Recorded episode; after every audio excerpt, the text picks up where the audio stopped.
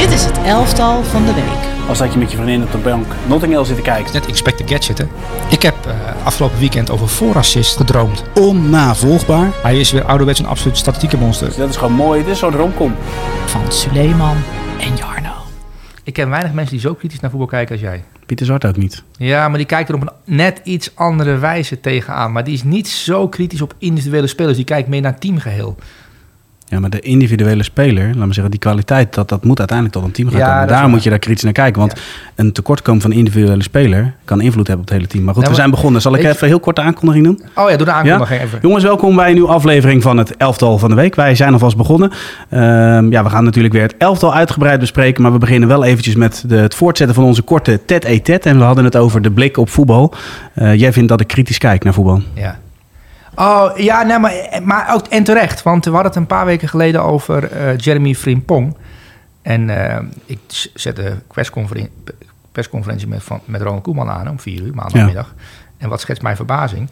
De woorden van Jarno van Wijk komen uit zijn mond. Dus dan denk ik, oh goh, die, eh, die kijkt dus ook naar Jeremy Frimpong op de manier zoals jij ernaar kijkt. Van ja, we hebben hem eigenlijk niet heel vaak gezien in een viermans defensie. Hij staat wel heel vaak op de helft van de tegenstander. Hij komt in de 16. Ik zie hem meer als aanvallen dan als verdediger. Dat waren de letterlijke teksten, eh, let- letterlijke woorden Ja. van Koeman. Dat heb jij natuurlijk ook gezegd. Dat je da- daaraan twijfelde. En daarom zit hij er niet bij. Dat vind ik dan, ben je wel een ziener.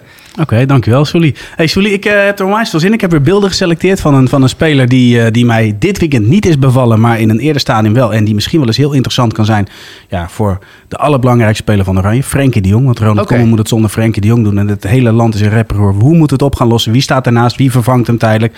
De oplossing is wellicht eh, eh, in zicht. Maar goed, we beginnen met de keeper. En dan zien we Steve Mandanda. Ja. Altijd een mooie keeper geweest. Ja. Comfortabel aan de bal. Ehm, maar het meest opvallende moment was toch wel de redding met, eh, ja, op Verratti, toch? Eh, ik heb een paar reddingen genoteerd. Ik heb een redding eh Mbappé, de kopbal. Zo, ja. Dat was wel een knappe Ja. redding. Dat ik dacht van, goh, dat, dat is lekker in de eerste helft zo. Ja, groeide er lekker in. En ik heb inderdaad vlak voor tijd, een minuut, een minuut 83, heb ik een redding met Verratti staan. Dat is de redding top. waar jij op doelde. Waar die, top. Ja, dat is een topredding. eh, zeker als je de stand eh, ziet. Eh, maar met 2-0 winnen in Park de Prens. eh, van tevoren week natuurlijk al, want de berichten zijpelen door. Van, we gaan de spelers uitfluiten. Hè. Messi is de schuldige voor het uitzaking in de Champions League. Ehm, en dan met 2-0 daar winnen. Dat is wel lekker voor zo'n ploeg. Ik heb dat vorig jaar ook meegemaakt. Dan ben ik met mijn zoontje naar een wedstrijd van Paris Saint-Germain eh, Paris Saint-Germain geweest. Mijn zoontje wilde graag Neymar zien. Ik heb alleen maar de Messi-scan aangezet. En op een gegeven moment gingen ze ook aan het begin een beetje fluiten, weet je wel. En Ja. toen, toen heb ik toch wel uitgelegd eh, aan mijn zoon dat dat gewoon niet kan. Met iemand die dat heeft gepresteerd in het verleden, dat dat gewoon niet zou moeten... en dat je daar een stadionverbod voor zou moeten krijgen. Ja. ja, als je deze wedstrijd gekeken hebt, Paris Saint-Germain, Stad Rennais, en het is natuurlijk 2-0 voor Stad Rennais. En het is crisis bij PSG. Ze hebben dit, dit jaar alleen al in het kalenderjaar denk ik zeven of acht keer verloren. Dat is wel heel vaak voor een ploeg die eh, zoveel goede spelers heeft. Eh, als je dan naar Messi kijkt, je kunt ook allerlei momenten eruit pikken dat hij aan het wandelen is. En je kunt ook, als je niet vaak naar eh, voetbal kijkt en je beoordeelt Paris Saint-Germain op resultaat, denk je, ja, het is afgelopen met die gozer. Totdat je een paar fragmenten van Messi bekijkt in deze wedstrijd. Hij doet nog steeds dingen dat je denkt, Absoluut. als een Nederlandse voetballer dat zou doen, dan zou dat elk weekend op de banken staan. Maar we kijken natuurlijk met zodanige eh, eh, blik naar Messi... dat hij, hij kan eigenlijk geen goede wedstrijd meer spelen... behalve als hij een WK-titel pakt met een hat-trick. Dat is ongeveer zijn niveau. Ja. Ehm, dat is wel, wel- lastig, want dan ga je dan statistieken bekijken van Paris Saint-Germain. 18 goals en 17 assists. Elke andere speler in de wereld die dat heeft... Ja, en hij is, dienend, hij, hij is nog nooit zo dienend geweest als Nee, in zijn periode Paris Het is een Saint-Germain. slecht seizoen, 18 goals, 17 assists. Dat is best wel gek. Ehm, maar goed, dat- we hebben het helemaal niet over Messi. We hebben het natuurlijk over Steve Mandanda en Ja. die, en die eh, ja, acht reddingen. Ehm, dat is knap. Ehm, en even kijken, ik heb hier slechts, slechts één keer eerder dit seizoen... eh, lukt het een keeper om zo, met zoveel reddingen tot de, tot de nul te komen. Dat is Marco Bizot, die natuurlijk ook eh, in, in Frankrijk keept. Ehm, die, die tegen Lyon toen acht reddingen eh, had. Nou, Steve Mandanda, hij viel op. En ja, hij is natuurlijk ook international geweest jarenlang. Hij zit er nu niet meer bij, want je weet wie de nummer 1 is van Frankrijk hè, tegen Nederland. Mike Magnan van AC. Milan. Dat is de nieuwe nummer 1 van, van Frankrijk. Ja, want de aanvoerder is gestopt. Gestopt. Ja. En uh, Varane is ook gestopt. Ehm, dus het is wel interessant wie er allemaal gaan spelen tegen Nederland. Zeker Kijk, weten. bij Nederland zijn er natuurlijk een aantal kwesties, maar bij Frankrijk ook. Mbappé de nieuwe captain. En Mbappé op zijn 24e, eh, en daar is hij wel blij mee. Want die is nu toch echt de god van het Franse voetbal geworden. Eh, twee WK-finales en nu op zijn 24e de, de, de, de aanvoerdersband. Dus die is niet meer te coachen. Nee, Die is nu de trainer van Frankrijk. kijk, heel mooi. Ja, Ehm, we hebben het over Mandanda. Wat voor cijfer krijgt hij voor zijn optreden tegen PSG. Een 9. Een 9. Je begint gelijk weer met een 9. hè? Ja, we zitten hoog in. Kijk, lekker zeg. We gaan door naar de volgende. Dat is een Nederlander, Bram Nuitink. Ja. Ehm, ja, we kennen hem natuurlijk uit zijn verleden bij onder meer NEC. Eh goede centrale verdediger, goed linkerbeen. Eh, wat was jouw indruk ja, tijdens het afgelopen weekend?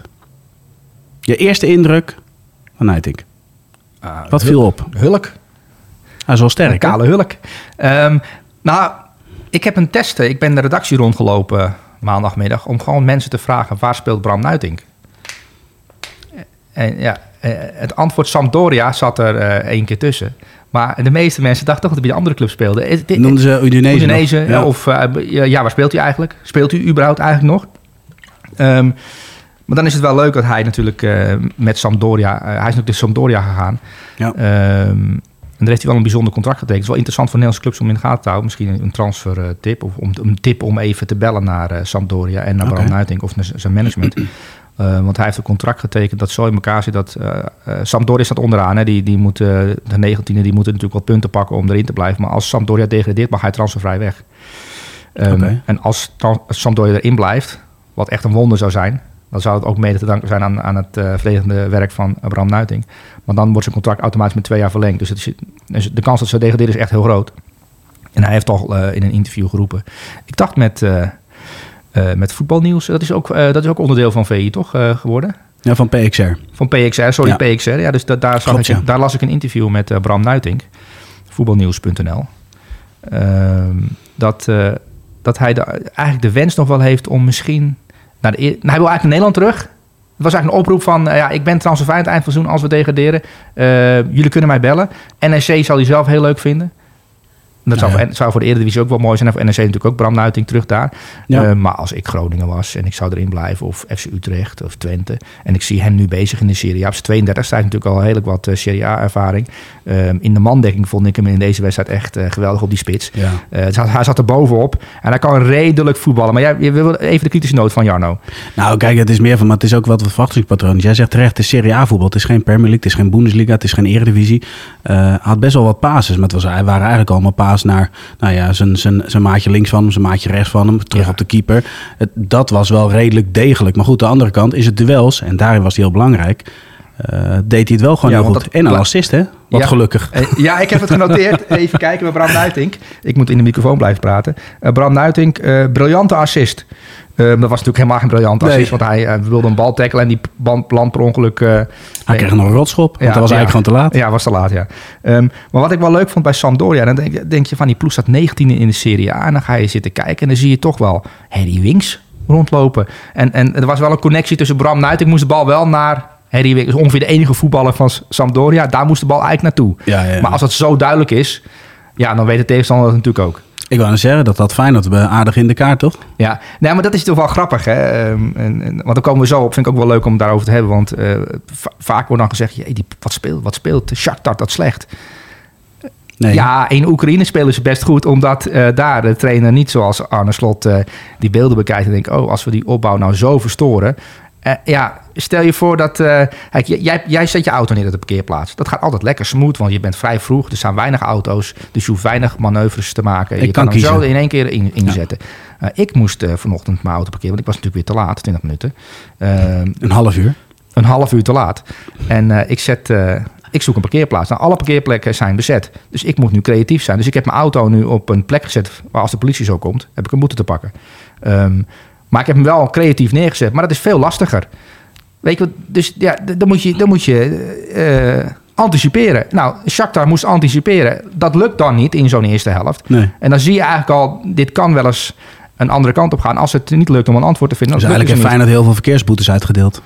Nou ja, Feyenoord heeft allemaal obstakels eh, neergezet en die moet je dan omzeilen. En als je dat niet... Kijk, in, topvoetballers, bijvoorbeeld, wat, dat is bij Real Madrid zo knap. Real Madrid kan die obstakels op een gegeven moment na een minuut of 30, 35... Oké, leuk wat jullie bedacht hebben.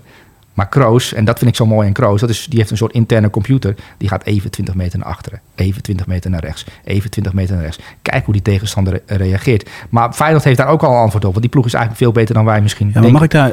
Simanski, daar gaat het heel weinig over. Ja. Ik, ik, ik was in het stadion, eh, ik heb die Oh. wedstrijd gekeken. Die wordt ook onderschat. Die is zo slim in dat druk zetten, hoe die moet verdedigen, waar die bal gaat komen. Is echt een intelligente speler. Want nogmaals, het is natuurlijk de hand van de trainer, maar eh, spelers moeten er wel uit Ja, kunnen ja, voeren. kijk, tactiek zit in spelers. Maar spelers worden gekozen door een trainer. En, en dat is een samenwerking die, die, die wordt wel eens vergeten. Eens, maar een nieuwe omstandigheid. bedenken, ja, met spelers. Maar als je die spelers dat niet kunnen uitvoeren, dan slaat die tactiek nergens op. Ehm, dat heeft natuurlijk ja, Ronaldo ten Hag. Je kunt wel tegen, tegen Ronaldo zeggen, je moet druk zetten. Maar die jongen die wil dat niet. Ja, dan, wordt- dan houdt het op. Ehm, maar goed, Bram Nuitink. Laten we bij het onderwerp Ja. blijven. Ehm de statistieken, we hebben het over... eh, ik, zei, ik zei Hulk, eh, Bram. Maar van alle spelers op het veld, meest geslagen tackles en uitverregende acties. Dat zegt inderdaad iets over zijn verdedigende kwaliteiten. Ehm, nou, eerste assist eh, in de Serie A sinds 2017, maar dat is een beetje een nutteloze statistiek, want ja, dat Ja, was per was geen assist. Ja. Ehm, en van alle spelers met minimaal 250 minuten in, in de Serie A, alleen Jean-Daniel Akpa Akpro tot meer geslagen tackles per 90 minuten. Dat betekent dus wat type spel. Hij is echt daar om eh, de beuk erin te gooien. ja, dat klopt. maar ehm, dat is ook bij, als, je bij, als je laag staat met je ploeg, dan Ja. heb je dat soort jongens ook heel hard nodig. Ja, en in de Serie A, ehm, want hij staat in het centrum van een driemans verdediging. Ja. En dat moeten we ook even, dat is ook wel belangrijk om even te melden. Ehm, zijn taak is ook, ehm, en in de Serie A, elke ploeg heeft een goede spits. Ehm, bewegelijk of sterk. Eh, je hebt of een Victor Osimhen, of een jongen die in de bal komt, of een, of een echt een go-getter zoals Immobile. Het is elke week een opdracht. Ja. Ehm, en die verschilt net elke week iets anders. Nou, dat, dat is wel leuk dat je op je 32e nog eh, eh, elke week zo'n topspits eh, of, of, of tegen een topspits aan, die- dat je die mag verdedigen. Toch leuk? Zeker weten. En hij doet ook goed. Maar wat voor cijfer krijgt hij voor zijn Ah, voor dit optreden? optreden 9. Een 9. Jeetje, we blijven Maar even. Bram bellen als je op zoek bent naar een verdediger. Hey, dat klopt. Maar sowieso met Bram bellen is leuk. Hebben we in de coronatijd gedaan. Aardige gozer, leuke Ja? gozer. Zeker weten. Gezellig gesprek heb je dan. Eh, we gaan naar de volgende. Want jij eh, gaf eh, voor de aflevering gaf je mij aan. Nou, ik ben benieuwd wie, wie jou is opgevallen. Ja. Normaal gesproken zijn het middenvelders, controleurs. Daar, daar heb ik toch een kleine voorliefde voor. Maar deze, die Federico Gatti Ja? van Juventus. Juventus was tegen Inter in het, in het ja, provocerend druk zetten heel goed, Ja. toch? Dus heel gecontroleerd druk zetten en de lange paas lokken. En Ja. elke lange bal, dus iedere keer als Inter onder de druk niet uit kon komen en dus de lange bal speelde, zat hij ertussen. Hij bleef rustig in zijn passing. Ik vond hem echt... eh, ik had het idee dat hij zonder enige inspanning gewoon een, een foutloze wedstrijd had gespeeld. Dat vind ik leuk om, eh, om te horen, dat jij daar zo onder de indruk van bent.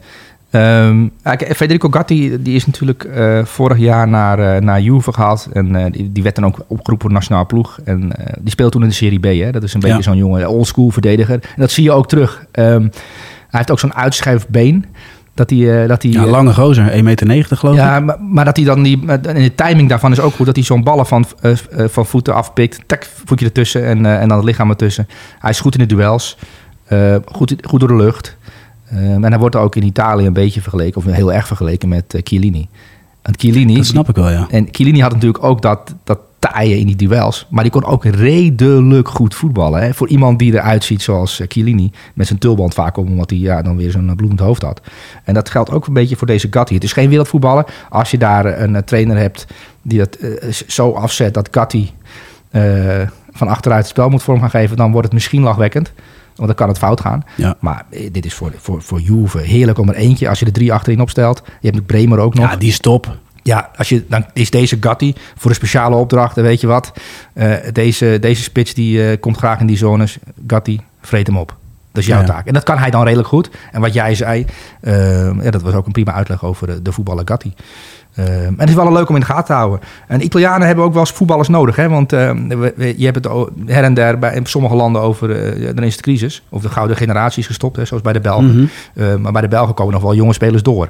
Ehm, de Italianen hebben toch wel een, eh, een, een probleem met, met voetballers. Hè? Dat is echt wel, eh, er wordt echt wel de alarmbellen eh, worden Zeker. geluid. Ja. Ja, dat gaat inderdaad hard, ja. Hey, en als je nou naar Gatti eh, kijkt, want, want we hebben het vooral over zijn verdedigende kwaliteit. Je geeft aan aan de bal, ja, hij moet niet het, het spel gaan maken.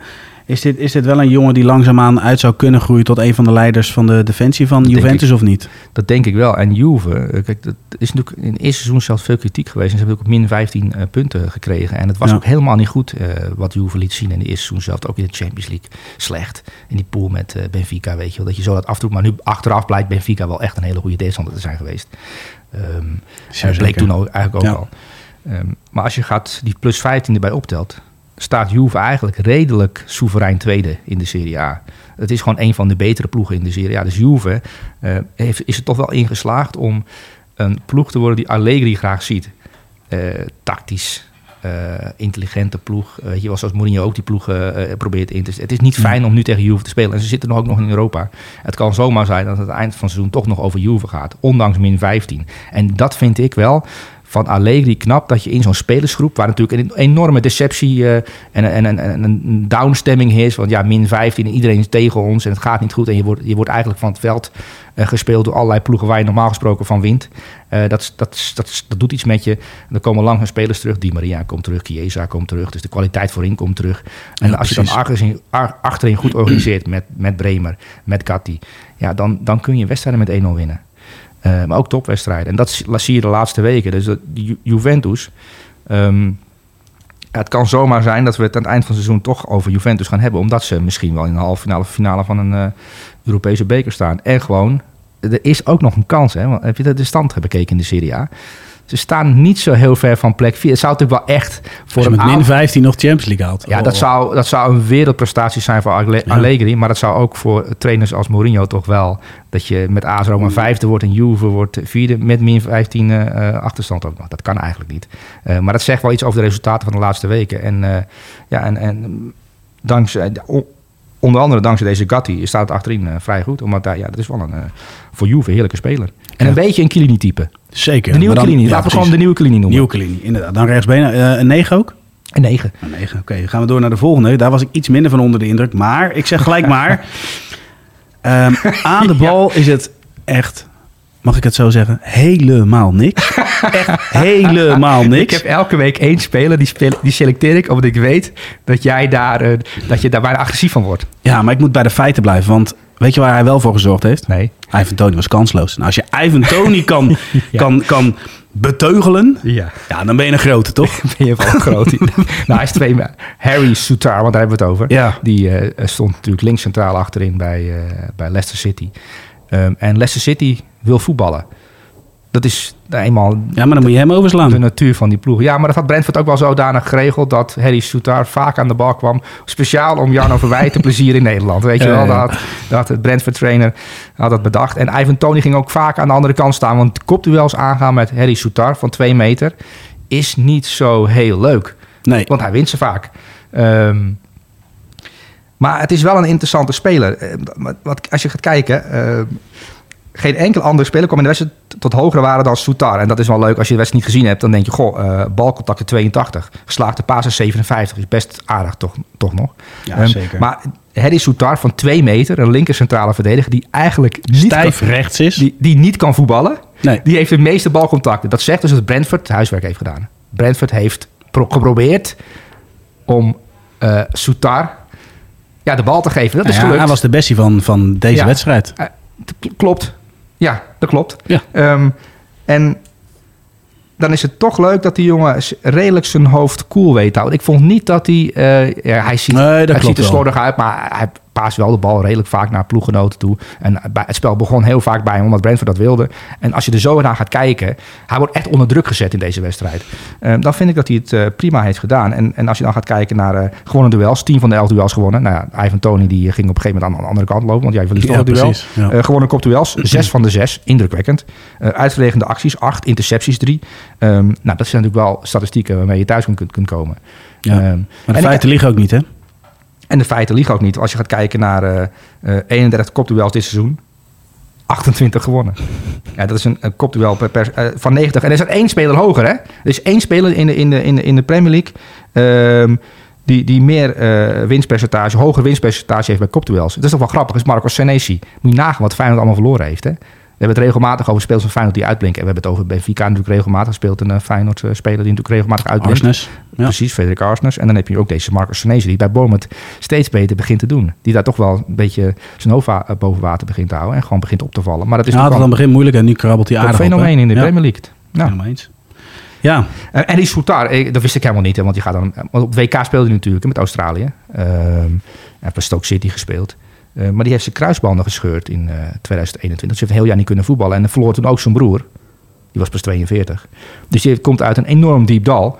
Eh, en voor hem was het toch het doel op WK bereiken, een soort van persoonlijke overwinning. Het is toch wel mooi dat die jongen ehm, ook met zo'n... want Dat, is, dat zijn ook Ja, maar dit vind ik mooi aan jouw elftallen. Bij jou zit er altijd veel, maar jij, jij weet alles van die gasten. Nou, ik zoek het Je ook leest op, hè. veel, ja, maar, ja, maar je zoekt het inderdaad ook op. Maar goed, je weet daardoor ook veel. Dus je kent ook de persoonlijke verhalen. En een persoonlijk verhaal Nou, Maakt een selectie ook weer mooier. iets ook over hoe zo'n jongen op het veld staat. Want dan, ja, ik heb een interview met hem gelezen waarin hij eh, op het WK bereiken was voor hem echt een, een soort van persoonlijk doel. ook om zijn broer te eren. Dus eh, toen hij dat, op de eerste wedstrijd, vlak voor de wedstrijd, kreeg hij van zijn vader een appje. Eh, en zijn broer heette Aaron. Aaron wil dat je deze wedstrijd eh, voor hem wint, weet je wel. Of- Dat is dan wat, ah, ja, dat, dat doet, als je een overleden broer hebt, dan is dat waarschijnlijk eh, eh, motiverend. Ehm, en zijn eerste thuiswedstrijd voor Leicester City kreeg hij weer van zijn vader een appje. Aaron kijkt en die vindt het prachtig wat je doet. Ja, het, dat is, klinkt een beetje emotioneel allemaal. Maar voor de jongen is dat natuurlijk wel een motivatie. Dat neemt hij de rest van zijn leven mee. En als je goed naar hem kijkt, en misschien als het wat warmer weer is... speel- staat ook een enorm portret van zijn broer op zijn arm. Dus dat is wel zeer belangrijk voor zo'n speler. Ja. Ehm, en dat, dat persoonlijke verhaal, dat vind ik, ik wel belangrijk om te weten als je naar zo'n jongen kijkt. Want we kunnen hem wel uit gaan lachen en eh, twee meter moet je kijken, die houdt de Klaas. Maar ik vind het nogal knap dat je bij Leicester City links Nou, zeker waar je dan nu feestje terecht dat, dat je zegt van je vandaan komt, bij waar je nu staat. Nou, gescheurde kruisband en je broer overleden op jonge leeftijd eh, twee jaar geleden. En dan nu WK gespeeld bij Leicester City in de Premier League. Redelijk overeind blijven, vind ik knap. Ivan Tony uitschakelen, dus een 10. Zullen we Harry Soutaar gewoon een 10 geven? We geven een 10. We geven de speler die jij het meest haat eigenlijk, geven we gewoon een 10. Nee, waar ik het minst van geniet. Nou, haat een is 10. verkeerd wat ik Precies. geef. Ja, eh, de- waar het minst van niet. Maar dat, e- eerlijk gezegd, tegenwoordig maakt die elftal, dan weet ik al, nou, hij gaat hierover beginnen over zijn voetballende kwaliteiten. Dat weet ik al, nu al. Maar het gaat meer om, niet alleen om voetbal natuurlijk. Het gaat ook om, ja, die ballen moeten wel, je moet wel die duels winnen van Ivan Tony. Eens. Maar misschien ga ik je straks verrassen. Want we gaan nu snel naar het middenveld. En daar staat Martin de Roon. Ja. Het gaat deze week natuurlijk veel over... eh, in eerste instantie ging het over wie moet er naast Frenkie de Jong staan. Maar nu gaat het vooral wie gaat Frenkie de Jong eh, vervangen tijdelijk. Eh Martin de Roon speelde tegen Empoli. Was eh, belangrijk ook met een treffer. Mooi Ja. kopbal. Kopbal. Ehm, wat is jou het meest bijgebleven van die wedstrijd? Want vorige week hadden we het over. Toen had hij een beetje een lullige ja, weekend tegenover Kvaratskhelia. Maar nu eh, viel hij dus wel positief op. Ja, maar er wel meer spelers hebben een lullig weekend tegenover Kvaratskhelia. Want dat, eh, Dat denk ik ook, dat, ja. dat is bij Torino natuurlijk ook weer. Dat je denkt van ja, we zitten er lekker in, we spelen lekker. En dan, nou ja, goed, daar hebben we het zo over. Ehm, wat mij het meest opviel bij hem was de rust in balbezit. Gek hè?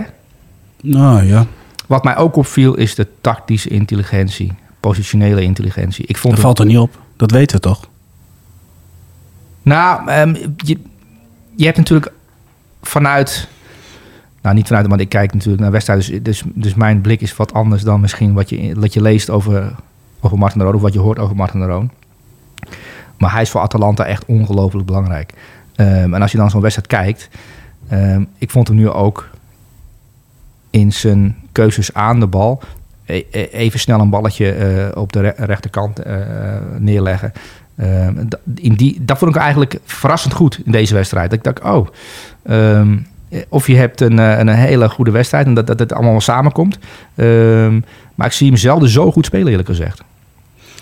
Ja, nee, ik snap wat je bedoelt. Ja, want hij is continu inderdaad de ruimte aan het scannen. Daarin is hij natuurlijk Ja. gewoon heel goed. Ja. Eh, eh, over balbezit praten we eigenlijk niet zo eens zo heel veel. eh, op het moment dat hij heeft. Want hij leeft hem ook bij Atalanta natuurlijk snel in. Bij het Nederlands elftal leeft hij Ja, snel in maar bij, snel- bij Frenkie dat is. Maar dan zijn nog... taak, hè? snel inleveren. Maar, je, maar het snel inleveren kun je op twee manieren doen. Je kunt snel inleveren. Ik ben de bal kwijt. Ik kan in ieder geval niet verliezen. Eh, snel inleveren. Die Bij de juiste persoon. bij de juiste persoon snel inleveren. Want dan kunnen we verder doorvoetballen. En dat ziet er bij Atalanta, die, die ja, de afgelopen week wat punten hebben laten liggen. Waardoor ze niet meer bij die top 4 klassering echt serieus mee meedoen. Dan moeten ze wel heel veel winnen nog. Ehm, maar het is wel een ploeg die goed in elkaar zit. En ik vond ook die jongen die naast hem stond. Een Braziliaanse jongen van 23. En Die, die, kwam, die komt bij Salernitana vandaan. Hebben ze voor 20 miljoen gekocht. Dat is ook wel interessant te spelen om in de gaten te houden. Die, die naast de Roon stond. Ehm, en Atalanta is er toch wel goed in. Ze hebben ook Heuland, die spits natuurlijk gehaald. Die, Ja. die in de belangstelling staat van allerlei clubs. Omdat het toch wel een apart soort speler is. Ehm, maar de Roon die blijft daar als een soort van eh, zenmeester daar op het middenveld. De boel gewoon eh, bij elkaar houden. En wie er ook naast hem komt te spelen. Hè, want eh Freuder is bijvoorbeeld vertrokken naast hem. Nou, weer- andere wingback aan de, aan de rechterkant. Ehm, en er verandert best wel veel bij Atalanta. Maar, maar de Roon, dat is zeg maar...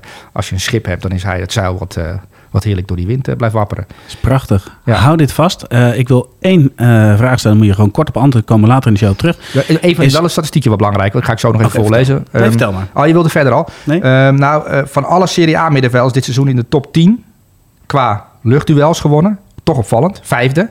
Verstuurde passes, zevende.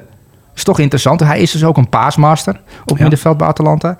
Intercepties, achtste. En ballenheroveringen, tiende. Dus hij doet eh, eigenlijk... eh, hij is vrij compleet daar op het middenveld van Atalanta. Hij speelt natuurlijk al jarenlang. Het is natuurlijk ook wel belangrijk dat je eigenlijk het hart vormt van zo'n ploeg. Dus dat je dan ook je ploeggenoten goed kent. Het spel begint bij hem, het eindigt bij hem. Ehm, ja, zeer belangrijk. Een Atalanta-icoon waar we misschien met iets meer waardering over moeten praten. Want dat blijkt wel uit het volgende statistiekje. Precies. Ja, Hij eh, hoort bij de grote Nederlanders. hij hoort bij de grote Nederlanders in de Serie A eh, deze eeuw. Eh, op één Clarence Seedorf, 335 wedstrijden in de Serie A. Dus Best aardig. indrukwekkend. Stefan de Vrij, 235 wedstrijden in de Serie A. En dan op drie Martin de Roon met 229 wedstrijden in de Serie A. Dus het is ook wel een Serie A-icoon aan het worden. Absoluut. Is hij eigenlijk al. En daarom de volgende vraag. Is Martin de Roon nog steeds de ideale partner van Frenkie de Jong op het middenveld? Ja of nee? Of hebben we een beter alternatief? We komen er straks op terug. Oké. Oh, maar Ja daar heeft, daar nee? heeft Koeman op antwoord op gegeven. hè? Nee, maar ik wil het van jou weten. Voor Frankrijk vind ik Martin de Roon de beste optie. Oké. Maar dat vindt Koeman ook hoor. Zeker weten. En een cijfer voor Maar Frenkie de Jong speelt niet. Dus, dat klopt. Dus we moeten nu een andere Frenkie moet er- En dat is, dat is Martin de Roon. Dat wordt interessant. Of zal Wijnaldum een linie naar achteren gehaald worden? Dat denk ik niet. Dat is gevaarlijk. Nee, die blijft op 10. Want hij Ja. had het wel echt over het duo met Memphis. Ja. Wat voor cijfer krijgt de Droom voor zijn optreden van afgelopen weekend? 9,5. 9,5. Oké. En we gaan door naar de volgende middenvelder. Die is eh, best interessant eigenlijk. Want Ja. ik heb eh, wat beelden zitten kijken. Ze speelden met Bayer Leverkusen tegen Bayern München. Eh Bayern München, Nagelsman gooit de as altijd helemaal vol. Ja. En toch is er een nou ja, wat, wat tengere middenvelder die steeds aanspeelbaar is. Het spel naar zich toe trekt. Keuzes durft te maken. Ja. En daarmee onderscheidend is eh, met zijn elftal. Ja, eh, Leverkusen thuis tegen Bayern München. En Leverkusen wint dat met 2-1. En ja, na 60 minuten dacht ik wel, goh, Nagelsman. Die eh, Ezekiel Palacios, want daar hebben we het over. Een Zeker. Argentijn van 24 op het middenveld van eh, Leverkusen. Die heeft wel alle tijd om aan de bal bijvoorbeeld Frimpong te zoeken. Ehm, of, een, eh of Wiertz te zoeken in het centrum. Ehm, je zou misschien daar iets kunnen aanpassen. Want bij hem begint eigenlijk bijna elk gevaar van Bayer Leverkusen begon ehm, bij Ezekiel Palacios. En dat is nog niet eens zijn allergrootste eh, kwaliteit. Want hij kan redelijk goed voetballen. Hè? Want het is echt zo'n Mhm. eh, ouderwetse Argentijnse vijf zoals Enzo Fernandez het ook is. En dan ga je een beetje op onderzoek uit. En ja, eh, dat- verbaast me natuurlijk dan ook weer niet. Want Ezekiel Palacios komt bij River Plate vandaan. Nou, we weten allemaal waar Enzo Fernan- Fernandez vandaan- komt. Zeker. Dus Enzo Fernandez heeft een paar jaar naar Ezekiel Palacios zitten kijken ook. Als jeugdspeler. En denk, oh ja, zo moet het. En want hij, hij deed me heel erg denken aan, eh, aan eh, Enzo Fernandez. En dat was ook zijn concurrent natuurlijk hè, op het WK. Want hij heeft op het WK drie wedstrijden gespeeld voor Argentinië als invaller. Eh, geen basiswedstrijden, omdat Enzo Fernandez zo, zo, zo ongelooflijk goed speelde. En wat Messi een persoonlijke bewaker had in de persoon van... Rodrigo de Paul. Dus ja, daar kom je er niet tussen. Nee. Ehm, maar op zijn 24ste tegen Bayern München dit laten zien. Ik weet zeker dat de scouts in het stadion hebben gezeten. denk ik, goh, Ja, maar jij geeft aan van Nagelsman eh, moet je er niets tegen doen. Maar heb je gezien hoe hij continu bezig is om vrij Ja. te komen? Ja, ja, natuurlijk. Maar dan nog mag je daar wel iets op verzinnen. Want hem uitschakelen was bij Leverkusen toch wel uitschakelen. En dat gebeurde niet. Want het, het, bijna elke, elke kans die bij Leverkusen creëerde... kwam via Ezekiel Palacios in een eerdere fase. Dan moet je, als je beeld aan het terugspoelt, dan zie je dat. Ja. Ehm, en als, ja, die rechterkant is natuurlijk met, met Frimpong en met Diaby. Eh, ja, daar gaat natuurlijk wel eh, eh, snelheid van uit. Die moet je in de gaten houden. Maar in het midden loopt een speler die in de kleine ruimte ongelooflijk goed is. Met Florian Wiertz. Dan heb je aan de andere kant Bakker. Die als een sneltrein eroverheen probeert te knallen. En daarom verbaast het mij dat Bayer Leverkusen zo vaak punten laat liggen. Denk je, er zit best wel kwaliteit in het elftal. Ja, dat snap ik. Maar nu is Bayern München een dominante tegenstander. En dan, dan worden ze natuurlijk wel in Absoluut. elkaar gespeeld. Want dan, Ja. dan moet zo'n Palacios heel snel handelen. En dat kan hij gelukkig ook. Er ligt veel ruimte voor de voorwaarts. En met name Frimpong. Aan de rechterkant was dat zeker het geval. Weet je wat ik bij de combinatie, wat ik wel interessant vond bij Ezekiel Palacios, is dat hij in balbezit inderdaad de rust had en de oplossingen had. En zonder bal meedogenloos. En die combinatie. Nou, aan de zij, als je aan de zijkant eh, in een 1 tegen 1 komt en er zit een bal en een tegenstander en een, en een, en een lijn. Dan moet je, als Ezekiel Palacios eraan komt, moet je, je moet je springen. Want hij pakt je.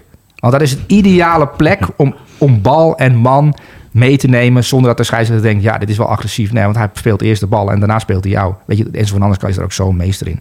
Aan de zijkant, eh, dan hapt hij. Bam. Eh, Gewoon even laten voelen dat, eh, dat je bent. En dat is deze gozer ook goed in. Ezekiel Palacios. Maar ik heb een leuk verhaal gevonden over hem. Dat daar verbaast me ook helemaal niet. Maar dat vond ik echt zo leuk om te lezen. Ehm, ehm, bij River Plate. Eh, Dat was in zijn ene laatste seizoen bij River Plate. En dan was al interesse voor hem. maar was daar een eh, grote jongen. Ehm, hij had een relatie met zijn eh, buurmeisje. Ehm, dat, dat was bekend. Dat was zijn liefde. Ehm, totdat bekend werd dat hij een relatie had met een actrice. Ook. Dat kwam uit in de, in de roddelmedia dat hij een, relatie had. met- Maar dat wist hij, dat buurmeisje wist daar niks van. Eh, daarna kwam ook uit dat hij een relatie had met een model. Maar het model wist niet van de relatie van die actrice. En die actrice wist niks van... Weet je dus had, hij had tegelijkertijd... ehm, op zijn twintigste... eh, een relatie met een model, een actrice en zijn buurmeisje. Ja, dat was natuurlijk een heel rel geworden, want die meiden die wisten dat van elkaar niet. En die gingen eh, verhalen halen en dat, dat werd een hele Argentijnse soapserie. Dus het is gewoon echt een soapster ook. Eh, nou ja, dat je, dat, je, dat je op die leeftijd eh, als eh, voetballer van River Plate een relatie hebt met een, ehm, een, een topmodel, een, een, een bekende actrice en een meisje die, je- die je al heel lang kent. Dat is toch wel opmerkelijk. Maar zo gaat het kennelijk eh, bij sommige jongens. Want we hebben het vaker gezien. Hè? Eh, ik bedoel, er zijn wel meer spelers in het begin van hun carrière. Boefjes. Eh, nou ja, boefjes, ik weet het niet. Eh, als jij opeens eh, een grote, grote jongen bent in, het, in het Argentijnse voetbal, ja, dan zullen er vast mogelijkheden zijn. Maar het is natuurlijk wel een opmerkelijk verhaal. Het zegt wel iets over het karakter van een jongen. Ja, mag ik vragen, wat is jouw favoriete soapserie? Mijn favoriete soapserie? Ja, Nederlandse soapserie. Ik vond Goudkust vroeger wel... eh, Oh ja, met Vrouwtje de Bot is dat, hè? eh, eh, toen was Vrouwtje de Bot Ja. nog leuk, ja. Ja. dat was een goede serie, ja. Dat is heel lang geleden. Ja. Ik denk maar dat ook de meeste goede luisteraars- verhaallijnen. Nou, wat ik onderscheidend vond bij Goudkust was ten opzichte van goede tijden en slechte tijden, waren de, waren de spannende verhaallijnen. Waar ik me als, eh, als jonge jongen meer in kon vinden. Ja, ja, je, je, Ja, het was ja, eigenlijk een beetje een rijke luis. Het was een, een, een rijke luisdorp, dorp, laat maar zeggen, aan, aan de zee, laat maar zeggen. Waarbij ook eigenlijk... Goudkust. Van nou, de Goudkust inderdaad. Waarbij eigenlijk, laat maar zeggen, ja, iedereen een beetje, nou ja, ook wisselende relatie had, toch? Melrose Place. Ja. Leuk, hè? Baywatch. Baywatch. Nee, Baywatch vond ik niks aan. Modern Family is ook leuk. Modern Family, nee, heb ik, keek ik ook niet. Nee, eh, Melrose Place keek Oké, maar goed. We hebben het ook Palacios. Cijfer Palacios. 9,5. 9,5. Oké, we slaan even één middenvelder over. We gaan Mag kort... ehm, één eh, even kijken? Nee, dit was goed. Ja, dit is zo. Prima. Zeker? Ja. Oké. We gaan één middenvelder nu even kort bespreken. En dan gaan we eigenlijk naar de middenvelder waar we ook wat beelden van geselecteerd hebben. We pakken even Oké. Doucouré van Everton. Ja, Ehm, kort. Nou, de goal. Gewoon krachtig, sterk, bij een corner. Maar ik vond de assist op Sims vond ik wel heel mooi. Ja, wat ik... bij- Versnelling. Ja, de verstelling. En, eh, hij is natuurlijk een vrij krachtige, explosieve speler. En, en Sean Dijts is daar binnengekomen. En ja, waar zet ik Doucouré nou neer? En die heeft hem eigenlijk meer als een aanvallende... Die heeft eigenlijk op de plek van Wijnaldum neergezet. En hij komt niet vaak aan de bal. eh, maar hij is wel continu bezig met het opentrekken van ruimtes. Met, met, met, met de channels in, weet je wel, Ja, wat ja. Dijts eh, prettig vindt. Ehm, dus hij is continu in beweging en hij heeft eh, loopvermogen, hij heeft kracht en hij is redelijk technisch ook nog. Weet je, denk aan Seco Fofana, weet je, dat is ook zo'n speler. Die is wel beter Van. Maar Ja, die is, die, is, die is beter. Ja. Ehm, maar Doucouré die, eh, is voor Everton in de strijd tegen degradatie eh, wel een prettige speler om op die plek te hebben lopen. Ehm, als je dan Van de Beek en Doucouré vergelijkt. Het is wel, en deze jongen die, die, die legt er wel echt veel, veel Ja. energie in. Ehm, en, en ja, bij de laatste vier wedstrijden, eh, of in de, bij vier goals betrokken in de laatste drie wedstrijden. hè, Twee goals en twee assists. Dus dat is ook wel, eh, wel prima voor een speler op die plek. En, en die Sims, die die goal maakte eh, bij Everton, is wel een interessante spits om in de gaten Zeker te houden. weten, ja. Want die goal die hij maakt, is echt, eh, er zit wel veel klasse in. Ja, een moeilijke hoek was het. Ja, moeilijke hoek, maar ook de, de, de, de- het vrijkomen om, om ruimte voor het schot te creëren. Het zag er allemaal perfect uit. Dus eh, wel interessante speler, die Sims. Helemaal eens. Wat voor cijfer krijgt van jou? Ja, 8,5. 8,5. Oké, we gaan naar de volgende middenvelder.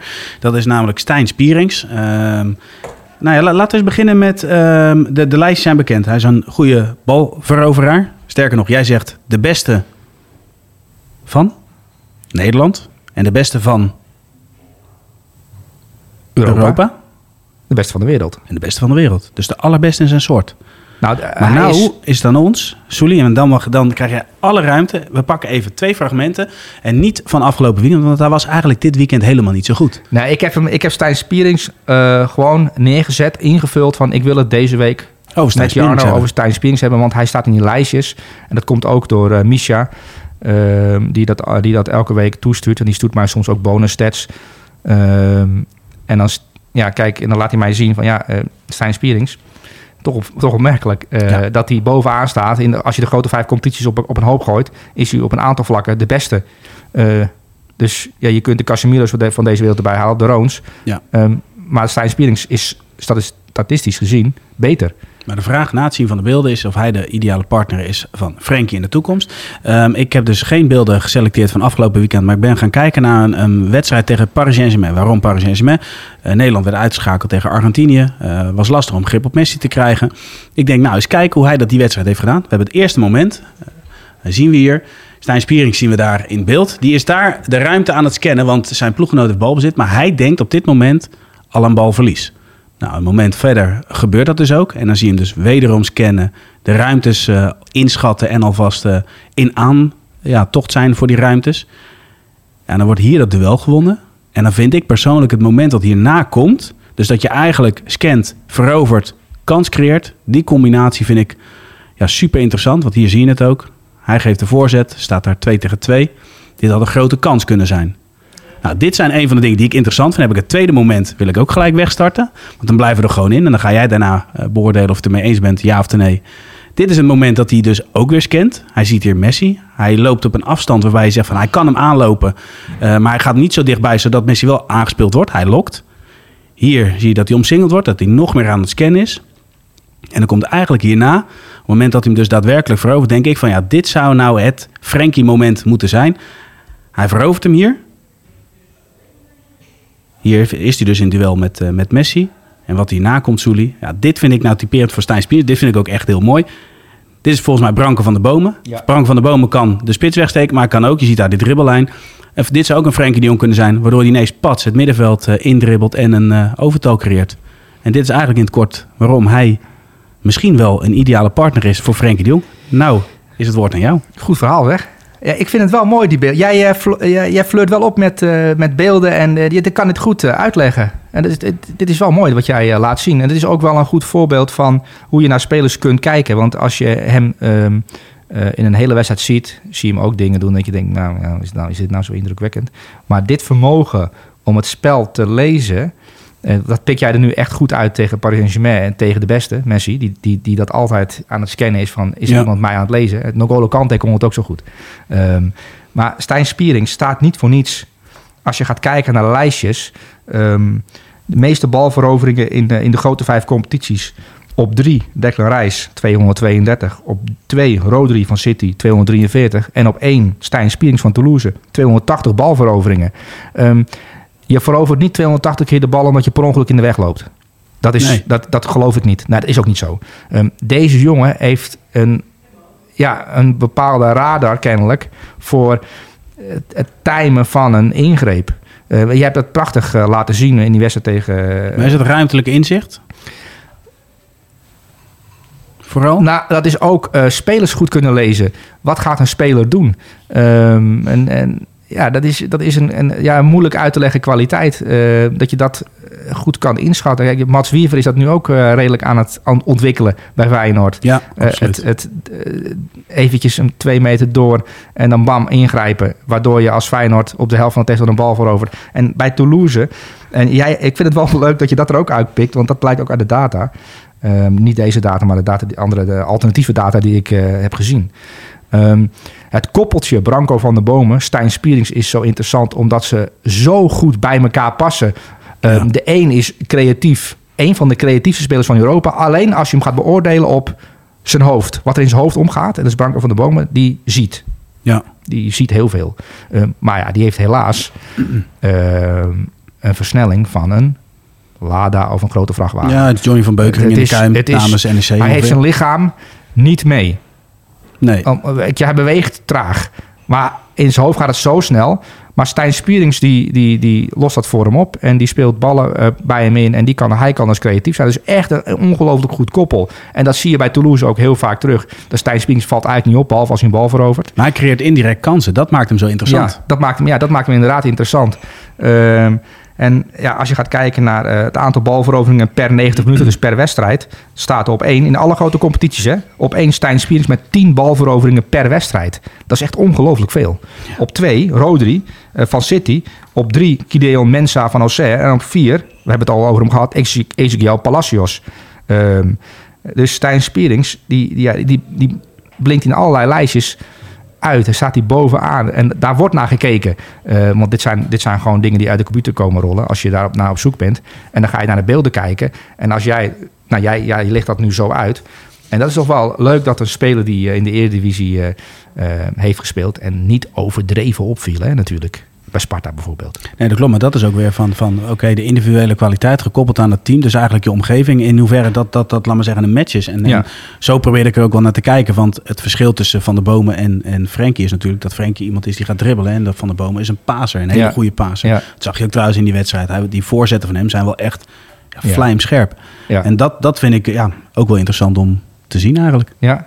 Ja, ja het is, dus we, hebben, we hebben die statistieken. We hebben het eigenlijk al maanden, weken over dat eh, Stijn Spierings bovenaan staat met het aantal balveroveringen. En eh, jij hebt nu eh, inzichtelijk gemaakt hoe dat eigenlijk komt. Omdat hij dat spel zo goed leest daar op het middenveld. Omdat hij, ehm, hij, mag er ook, hij is ook daarmee bezig. Hè? Hij hoeft die kansen niet te creëren bij Toulouse. Maar hij moet eigenlijk de, hij moet de mogelijkheid tot die kansen creëren. creëren. Precies, ja. Dat zit een beetje een subtiel verschil in. Ehm, maar het is ook belangrijk dat je dat goed beheerst. Want hij maakt eigenlijk Branko van de Bomen beter.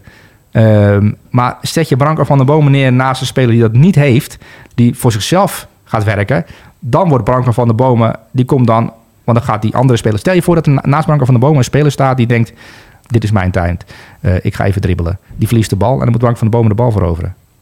Dan sta je. dus dan heb je, twee, dan heb je twee man verloren. Ja. Dus, en dan kom je in allerlei situaties terecht dat je denkt van jeetje, die Branko van der Bomen, wat is die traag.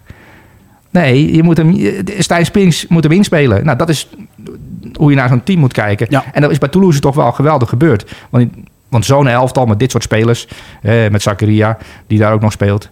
eh, met Thijs Dallinga, die het geweldig doet Zo, als die was spits. Ja, Die was wel goed afgelopen ja, weekend. Ja, ja, ja. ja die, doet, die, doet, die het geweldig doet als spits. Ja. Als je dan ziet, dat is eigenlijk een soort keukenkampioen-divisie bij elkaar gescharreld. Dat hij dan gewoon in Frankrijk rond de tiende plek kan spelen. Is wel bijzonder. En dan slot, ehm, is hij, eh, is Stijn Spierings al dan niet in de toekomst de ideale partner voor Frenkie de Jong? maar, ja of nee? eh, Kijk, trainers kijken toch naar individuele kwaliteiten. En, ehm, en ja, je kunt bij een, een, een Nederlands elftal dit niet erin slijpen. Dat, dat alles is afgestemd ook op de kwaliteiten van Stijn Spierings. En ik denk dat als Stijn Spierings daar neer, neergezet wordt... en je kijkt ernaar tegen Gibraltar, dan denk je... jeetje, wat een beperkte voetballer. Terwijl dat zijn kwaliteit niet is. Dus, het is best wel lastig. In Nederlands elftal moet je wel echt eh, top, top niveau zijn. Maar dan moeten we eigenlijk afwachten wat zijn volgende stap is om te kijken wat hij Nou, dan ik denk laat dat, zien. je, dat, dat sommige spelers gewoon... ehm, die kun je wel proberen ehm, bij het Nederlands elftal. Maar kijk, Frenkie de Jong ehm, en de Roon... Frenkie de Jong en Mats Wiever... dat is nu een beetje waar Koeman eh, die kant op wil gaan. Ja, dat zou kunnen. Want Frenkie de Jong heeft iemand naast zich nodig... wel een Stijn Spierings type. Ehm, Ja. Of een betere versie van de Roon. En dat is volgens Ronald Koeman Mats Wiever. Dat zou het kunnen worden. Dat, waarbij hij eigenlijk impliceert, dat is hij nog niet. Dus de Roon gaat spelen. Interessant. Maar goed, zijn optreden, ehm, laat ik zo zeggen, we gaan, we gaan hem niet beoordelen. Afgelopen Maar- weekend ook niet alleen op PSG. Wat wel leuk is, hè, Stijn Spierings, aantal passes. Want we hebben het over balveroveringen. Eh, maar ook, hij komt natuurlijk ook vaak Ah, ja. aan de bal. Eh, Marco Verratti is de speler die de meeste passes verstuurt in Europa. Verbaast me op zich niet. Nee. Ehm, dan Benjamin André, Lille. Nou, we hebben het al een aantal keer over Benjamin André gehad. Dat is een eh, zeer onderschatte speler. Die al veel te lang bij Lille speelt. Maar goed, die is nu ook al dik in de 30. Mhm. Dan heb je Salit Abdul Samet van Lans. Lans is een zeer interessante ploeg. En dan Stijn Spierings op, op vier. Als speler met de meeste passes. En het aantal kansen gecreëerd. Top 5 Europa. Staat Branko van de Bomen in. Hè? En op, op nummer 1 Kevin de Bruyne. Dat verbaast helemaal niemand. Eh, op nummer 2 Jonas Hofman. Verbaast ook niemand. Op 3 Kirian Trippier. Dat is een spelmaker rechtsback. Dan heb je Bruno Fernandes. Die inderdaad een, een ongelooflijke kansenmachine is bij United. En op 5 Branko van de Bomen. Met 70 eh, kansen gecreëerd dit seizoen. Mede dankzij Stijn Spierings. Mede dankzij Stijn Spierings, die, eh, die hem eigenlijk de suiker aangeeft. En dan kan hij de koffie zetten. Ik kan zeggen, alleen maar roeren. Ja, alleen maar roeren. Ja, roeren en up, Precies. opdienen. Cijfer. Nou, Gewoon- ik vond jouw verhaal zo goed. Daar werd ik zo enthousiast van. Ik denk van, hier moet je eigenlijk je vak van maken. Hè? Ja, daar moeten we het met Pieter over hebben dan. Ja, gewoon even dit, dit soort beelden eruit pikken. Vond ik zeer interessant. Nou, een 9,5. 9,5, oké. Ben je klaar voor de aanval? Zeker. Ja? We beginnen met Donjan Malen. Nou, die was goed. Zo, dat was lekker om weer te Ja, zien. was goed. Hij was, hij was gewoon lekker aan het dribbelen. Hij was, hij was actief. Ik vond ehm, de connectie met, met Haller Ja, was goed. ja. Maar hij maakte echt weer indruk. Nou, dat flitsende, dat explosieve, dat, dat ook die vrijheid om in die kleine ruimtes gewoon ehm één tik tik bam, weg, tik tik weg. Aan de Eh, rechterkant aan en bewegen, ja. En ehm, aan de rechterkant, eh, het is toch wel. eh, ik denk dat er twee dingen zijn. Ik denk dat hij toch rondom die wedstrijden tegen Chelsea heeft gedacht: van nou, daar zit ik dan. Ik ben derde keuze op links. In het centrum eh, ben ik geen optie. En ik ben ook aan de rechterkant ben ik eh, ja, tweede of derde keuze. Want, want Julian Brandt is de grote jongen aan de rechterkant. Ja. En aan de andere kant Karin Adeyemi, die maakt een geweldige goal. Ehm, dan komt ook die eh, Engelse jongen, er va- Bijno Gieters komt er vaker in. en dan zit hij op de bank. Ik denk dat het toch, ja, dat doet iets met je. denk je, oh. Ehm, dan komt hij er nu in, omdat er twee spelers geblesseerd zijn geraakt, een paar weken geleden. En aan de rechterkant ook. Eh, op de plek van Julian Brandt. Die Ja. natuurlijk de beste speler was aan Dortmund zijde de afgelopen maanden. Ja, hij vulde het wel anders in eh, dan eh Malen. Totaal. Dus, Julian Brandt is meer spelmaker type. Die samen met Bellingham probeert tot kansen te komen. Die was ook goed, maar ga door. Maar, maar Ba- Malen, dat is meer een... als je een pijl en boog hebt, dan is degene... die Bellingham houdt die pijl en boog vast en die schiet ze af. Ehm, in combinatie met Haller aan, aan die kant ook. Maar ik vond ook... eh, een aantal kansen van, van Malen werden wel gecreëerd... omdat Bellingham dan gewoon een ge- geweldig aanspeelt. Omdat hij dat ziet. Ehm, maar aan, aan de rechterkant... ehm, met connecties bij hem in de buurt... Dus die, die rechtsback bijvoorbeeld Wolf... die er vaak overheen klapte aan die kant... creëerde ook wel ruimte voor hem om naar binnen te komen... of hem aan te spelen en dan door te bewegen. Dus die, die driehoek, Bellingham, Wolf, Malen... die functioneerde echt geweldig tegen Keulen. Eh, dat, dat was wel echt indrukwekkend. Maar individueel ook. Eh, snelheid, diepgang, scorend vermogen. Uh, deze Donjo Malen, zou ik zeggen, hoort in Oranje thuis. En ja, hij is natuurlijk ook opgeroepen uiteindelijk... omdat uh, Bergwijn geblesseerd is geraakt. ja, maar ik denk dat Koeman wel eh, die wedstrijd heeft zitten kijken van... wow, dit is Dit wel, is wel serieus een optie. Want Ja. zou die misschien dat signaal niet zo af hebben gegeven... dan hadden we misschien wel uitgekomen bij Kluivert. Die vorige week in het elfde van de week stond. Mm, dat weet ik niet. Hangt dat er ook een beetje vanaf vorm van dag? Als je, als je ziet wat hij nu laat zien. Ja. Nou, maar vorm is mee. natuurlijk... Ja, het is op het, op het juiste moment in vorm zijn en een beetje geluk hebben... kan jou natuurlijk een EK opleveren. Want, Ja. stel, want dat is zoals met Bergwijn natuurlijk ook geweest. Die was bankzitter onder, eh, onder Van Gaal. Die komt erbij en die presteert direct in die eerste twee interlands. En die heeft daar ook zijn WK te danken. Omdat Koeman, of omdat Van Gaal dacht... Ja, hij leeft in Oranje, dus we nemen er gewoon bij. Ook al is hij reserve. En daar heeft hij ook zijn transfer naar Ajax eh, aan te danken. Dus Donjan Malen kan zomaar aan deze wedstrijd tegen Keulen... een geweldige transfer ook nog overhouden. Oké. En wat voor cijfer levert het op? Maar ik vond hem echt heel goed eh, tegen Keulen. En een 9. 9? Oké, dan gaan we naar de volgende aanvaller. Ehm, die ga ik heel kort introduceren. 11 passes, 4 schoten, 3 doelpunten. Erling Haaland, goedemorgen. ja. Gaat toch helemaal nergens over? Nee. Ehm, ja, en weer na een minuut of zes naar de kant gehaald. Hè? Want, Ja. want eh, Guardiola had wel genoeg gezien. Tijd voor anderen. Ehm, Guardiola is echt een kwade genius. Want Guardiola, als hij zo doorgaat, dan voorkomt hij dat, dat Haaland nooit boven de duizend gaat komen. nou, ehm, ik vind drie per wedstrijd wel genoeg eigenlijk ook hoor. Ehm, zes hat dit seizoen. Ja, dat is wel opmerkelijk. Is acht goals in je laatste twee wedstrijden. Wat Pep Guardiola ook zei van... hey, jongen, je hebt acht goals gemaakt in je laatste twee wedstrijden. Gaat wel goed met je? Dat je in de spelerstunnel na afloop. Ja. En dat Haaland dan even te lachen van... ja, ehm, ja, ik had er nog tien kunnen maken, trainer. Ja, me- je, je hebt me een uur speeltijd ontnomen. En dat zie je dan denken. Ehm, en als je hem dan gaat zitten kijken... ja, het is wel... Ja, hij kan eigenlijk niet zo goed voetballen, weet je wel. Maar ja, hij is zo goed in het lezen van die ruimtes. Want die, er is één goal. Dan wordt er een bal tegen de paal geschoten. En die balans zo voor zijn voeten. Dan denk je van, jeetje, wat heeft die jongen toch een geluk. Maar dan ga je kijken. En dan zie je dat vlak wat hij... Dus bij dat schot anticipeert hij al... hij zou misschien wel gemist kunnen worden. En dan is het best de kans groot dat hij in deze zone terechtkomt. Dan zie je hem dus wel daarop reageren. En, dus, en toen zat ik te denken tijdens de wedstrijd... eh, City-Burnley, want het werd natuurlijk 5-0. Of 6-0, wat was het eigenlijk? 5 5-0 of 6-0? Het werd eh, uiteindelijk 6-0 zelfs. 6-0, ja. Ehm, en Burnley is de nummer 1 in de championship. Dus er is veel over eh, gezegd. Die maken echt indruk. En dan Ian, Ian Maatsen speelde linksback bij Burnley. En, en je ziet dan dat die Haaland een keer diep gaan. En die Maatsen die, die kijkt zo omhoog van... Jeetje, Mina. Hij is wel heel erg groot en sterk. Hij kreeg na afloop ook een vraag erover. En, en toen gaf hij een beetje zo niet zeggend antwoord. Ehm, maar als, als Haaland gaat... dan gaat hij wel gericht naar een plek toe. Met volle energie. Maar er zit dus, dus intelligentie vooraf. En kracht in het moment. En die combinatie is... Vorige week over gehad, ja. Ja, die kracht, die combinatie is zo bijzonder. En, en toen dacht ik van, ja, wa- wat is balgevoel eigenlijk? Hij heeft geen balgevoel aan de bal, maar hij heeft wel balgevoel zonder bal. Weet je wat ik bedoel? Ja, hij, Dus hij koopt, kan hij eigenlijk koopt die- eigenlijk zijn extra tijd om dingen te repareren, te herstellen. nou, Bedoel je kijk, dat? ehm, hij kan dus kennelijk die bal lezen of zo. En dat klinkt een beetje zweverig. Ehm, maar hij weet dus kennelijk waar die bal terecht gaat komen op basis van het gedrag van ploeggenoten. En, en ook eh, de manier waarop, waarop tegenstanders staan. Hij weet ook hoe verdedigers bewegen, wat keepers normaal gesproken doen. Dat als je met links op doel ziet, dat hij best wel grote kans dat hij binnenkant paal eruit kan stuiteren. Dus dan ga ik maar twee meter naar rechts. Het verklaart waarom hij ook zo weinig aan de bal komt eigenlijk, hè? Ja, hij is- hij is eigenlijk bezig te bewegen ten opzichte van de bal om een goal te maken. Hij is nooit bezig te bewegen ten opzichte van, van de bal om iemand in stelling te brengen. Dus zijn gedachte is eigenlijk totaal andersom ten opzichte van Kevin De Bruyne. Ehm, dus hem proberen te, te laten meevoetballen is hem eigenlijk vragen op een totaal andere manier te denken. Maar dan is het eigenlijk van, je hebt altijd over de keepers, dat dat de eenling in de groep zijn. Maar misschien is hij wel de eenling in de groep die gewoon contra van alles, alles anders doet. Nou, hij, hij, is, gewoon- hij is gewoon bezig met doelpunten maken. En hij heeft die, eh, die focus en die honger.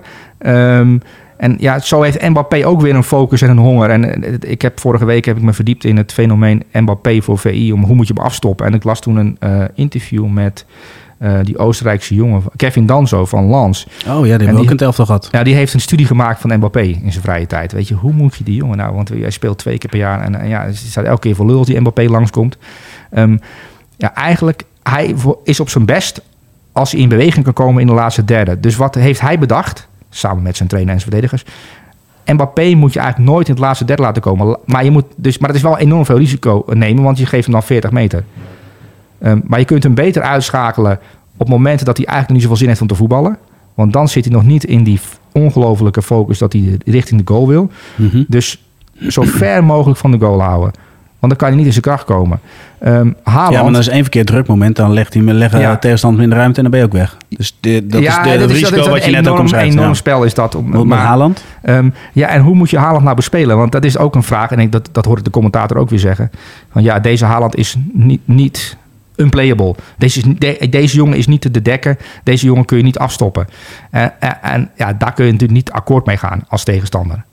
Want dan kun je dan Pieter voorleggen van hoe moet je maar, Haaland ja, maar hoe speel je nou tegen Erling Haaland? Wat moet je daar nou tegen doen? En ehm, ja, je moet er, ja, dat is, het antwoord is op zich vrij simpel. Want je kunt niet één op één dekken. Want hij is langer, hij is sterker, hij is sneller, hij is intelligenter. Dus je moet je dat als groep opvangen. Maar dat heeft ook wel allerlei eh, complicaties. Ehm, maar het is toch wel fenomenaal dat je, je maakt er vijf. Ehm, je had er ook acht kunnen maken. En een paar wedstrijden later tegen Burnley maak je er weer drie. En had er ook weer, vijf kunnen maken. Ehm, en ondertussen geeft hij een interview na afloop van... ja, ik moet beter eh, leren koppen. Ik moet slimmer worden in de kleine ruimte. Eh, ik wat, wat een van zijn ambities was... dat vond ik zo leuk in een interview... een van zijn ambities was om ploeggenoten beter te laten spelen. Daar was hij nog niet zo goed in. Ehm, dat, dan heb je er vijf gemaakt. En dan zeg je na afloop tegen Thierry Henry, die dat de vraag dan. Ja, en- maar dat heeft natuurlijk wel zijn trainer gehoord. Want Guardiola is, dat is er mee bezig om Mhm. het nog compleet te maken. Ja, ik, wil, ik, wil, ik, wil, ik wil een betere speler worden, want ik wil ploeggenoten beter laten spelen. Dan heb je er net vijf gemaakt. Dat is Bizar. wel een interessante eh, antwoord als je dat op die manier bekijkt. Als je de grote ster bent. Want je zou ook kunnen denken, eh, hebben jullie net gekeken? Nog meer vragen? Je kan het ook wat arroganter, uh, zoals Laat dat eh, vroeger misschien zou doen. Ja, ik ben het helemaal eens. Ik, ik, ik kan er geen spel tussen krijgen. Dus ik zou zeggen, wat is voor cijfer krijgt hij? Een 9. Een 9. Gaan we naar de laatste aanvaller. Die gaan we even kort eh, bespreken. Daar zijn we mooi binnen de tijd gebleven. Eh, Victor Osimhen was wederom belangrijk voor Napoli. Dat nou ja, goed, binnen no time kampioen gaat worden. Dat nog meedoet in de Champions League. Ik ben alleen benieuwd, eh, eh, kort antwoord erop. Dat Napoli ja, in de Serie A gewoon bij far de beste ploeg is. Overduidelijk. Maak ze kans op de Champions League, ja of nee? Ja. En hoe belangrijk is Osimhen dan in dat verhaal? Als doelpuntenmaker en als kracht. Ehm, nou, wat ik interessant vond in deze... En Torino is, is een goed voetballende ploeg. En Victor Osimhen kan niet voetballen. Dat, die, die kun je niet... bijvoorbeeld Haaland heeft, eh, eh, is eigenlijk een betere voetballer dan Victor Osimhen, vind ik persoonlijk.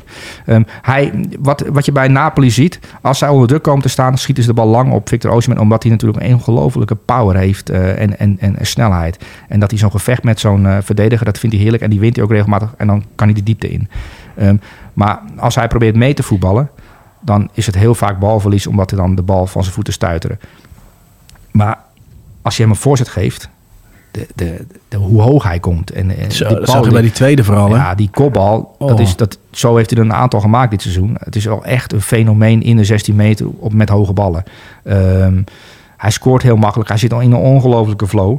Ehm, maar je kunt hem niet op de plek van Harry Kane neerzetten. Je kunt hem niet bij United als negen neerzetten zoals Erik ten Hag was. Want, dat, ah, want hij, heeft, hij wil graag af en toe lange ballen hebben, wat voorzetten. ehm, en in de bal komen en dan, ehm, waar wij het over gehad hebben met Haller bijvoorbeeld... en een driehoekjes voor hem aan de rechterkant, dat is niet zijn ding. Dat spel klein houden is niet zijn ding. Het is bij hem eh, groot, kracht, snelheid. ehm, en in combinatie met Kvaratskhelia die, die dat andere werk doet. En dan is het gewoon voorzet, bam, en dan kan hij hem binnenkoppen. Eh, maar Napoli kan zeker weten de Champions League winnen. Ze hebben natuurlijk een heerlijk eh, eh, loting eigenlijk, hè, Italiaans onderrondje, waarin ze zouden kunnen winnen. En dan kom je in de halve finale misschien wel tegen Benfica uit. Nou, dat is, dat, normaal gesproken is Napoli dan de favoriet en dan sta je in de finale. Dus Napoli kan de finale bereiken. Alleen ik denk, ja, aan de andere kant gaan natuurlijk de topfavorieten elkaar uitschakelen. Dus het, het, City is, lijkt mij geen fijne tegenstander in de, in de finale. Maar City moet eerst maar eens de finale halen. Want die zit natuurlijk aan de, aan, de- aan de verkeerde kant van het schema, als je daarover kan, kunt spreken. Nou, dat blijft het heel interessant. We gaan, eh, deze week gaan we een interland eh breken. Tenminste, gaan we tegemoet. Eh, wat ik wel in wat ik één, één statistiekje wat ik wel wat ik wel heel interessant vind is het goals en expected goals. Bij Erling Haaland is het expected goals 30 en hij heeft 42 gemaakt. Het verschil is 12. Ehm, maar Messi die heeft ooit in 2018, 2019 51 goals gemaakt met 35 expected goals. Dus veel meer goals gemaakt dan je zou verwachten op basis van de kansen. Maar Erling Haaland is op dit moment de speler in Europa met het grootste verschil in expected goals en, en, en, gemaakte doelpunten. En ehm, wat ik van Pieter heb geleerd, die zei altijd als, dat, dat, dat hij kijkt ernaar en dan kan een speler dit jarenlang volhouden. Dan moet je eigenlijk kijken naar de expected goals om, om de toekomst te kunnen voorspellen. Niet naar de gemaakte goals. Alleen eh, voor een aantal spelers geldt dat niet. Voor Messi geldt het niet, want die zit altijd veel hoger dan... eh, omdat hij zo ongelooflijk secuur is in, in het afronden. Ja. En Erling Haaland, die is dat dus niet aan de bal. Maar wat ik net, dat verhaal, dat, ik dat, dat theorie die heb ik over, over zonder bal. Hij heeft balgevoel zonder bal. Dus, en daardoor kan hij eh, de machine verslaan. En de machine, die expected goals, die, die, die schat Erling Haaland verkeerd in. En dat is zo interessant. Daar moet je eigenlijk een professor la- naar, naar laten kijken om dit uit te kunnen leggen. Want dit is misschien een theorietje van mij dat, dat jij denkt van ja, waar, ga, waar gaat het over? vind Hij het paddo's een- op. Maar geloof me, deze, deze, deze kwaliteit, dat dingen eerder zien dan anderen. eh, en dus altijd maar gekmakend genoeg voor iedereen. Want heb jij de reactie gezien van een ploeggenoot dat die bal tegen Erling Haaland aankwam? En hij is, ja, eh, de bal kwam letterlijk tegen me aan en hij werkte hij frommelde me eigenlijk binnen. En ja, weer een goal. En Jack Grealish, dacht ik dat het was, die begon keihard te lachen. ehm, na die goal van jeetje, staat hij nou weer verdomd... Waarom komt die bal niet in mijn voeten terecht, weet je wel? Staat hij er weer? En het wordt nu een beetje zo, in die spelersgroep wordt het nu natuurlijk eh, een beetje een grap. En de vraag is, is het op training ook zo of is hij op training uitgeschakeld, de machine? En loopt hij daar eigenlijk een Dat beetje zou ik rond? willen weten. Dat is wel, want, want eh, is hij op de training ook zo gefocust en is het trainen en spelen hetzelfde? Of is dit zo van, eh, Erling Haaland heeft er vier, vier dagen bijgelopen eh, als een dode vogel en in de wedstrijd is een soort Terminator? Dat is wel interessant, maar ik denk dat hij op de training ook zo is. Vrees ik voor, voor, voor Nathan Ake. Dat denk ik ook, ja. Zullen we afsluiten Maar met... daar word je wel beter van, hè? Met zo'n gozer in je Ja, buurt. natuurlijk word je beter. Maar goed, Nathan Ake heeft natuurlijk ook een geweldige ontwikkeling Ja. doorgemaakt. Hey, we gaan eh, afsluiten met cijfer. Een En dat is een 9. Dan wil ik jou eh, ontzettend bedanken voor de aflevering eh, van deze dinsdag. Volgende week zijn we uiteraard weer terug. Ehm, en beelden moeten we er wel inhouden. Ik denk alleen dat we af en Ik toe... ook- vond dat wel leuk, ja. Ja, en misschien een keer weer Bas inbellen. Gaan we het na de uitzending over hebben. Soelie, dankjewel. En En jongens, jullie Heeft Bas salariseisen dat hij, wat hij hoog in de boom zit, dat hij niet meer kan? gaan we gelijk regelen bij Pieter. Oké, Ja? ja. Nou jongens, dit was het elftal van de week. Ehm, ja, laat even in de comments weten wat je van het elftal vindt. En volgende week zijn we uiteraard weer terug met een nieuwe aflevering van het elftal van de week. Doei! Dit is het elftal van de week. Als dat je met je vriendin op de bank Notting Hill zit te kijken. Net Inspector Gadget, hè. Ik heb eh, afgelopen weekend over voorassist gedroomd. Onnavolgbaar. Hij is weer ouderwets een absoluut statistieke monster. Dat is gewoon mooi. Dit is zo'n romcom. Van Suleiman en Jarno.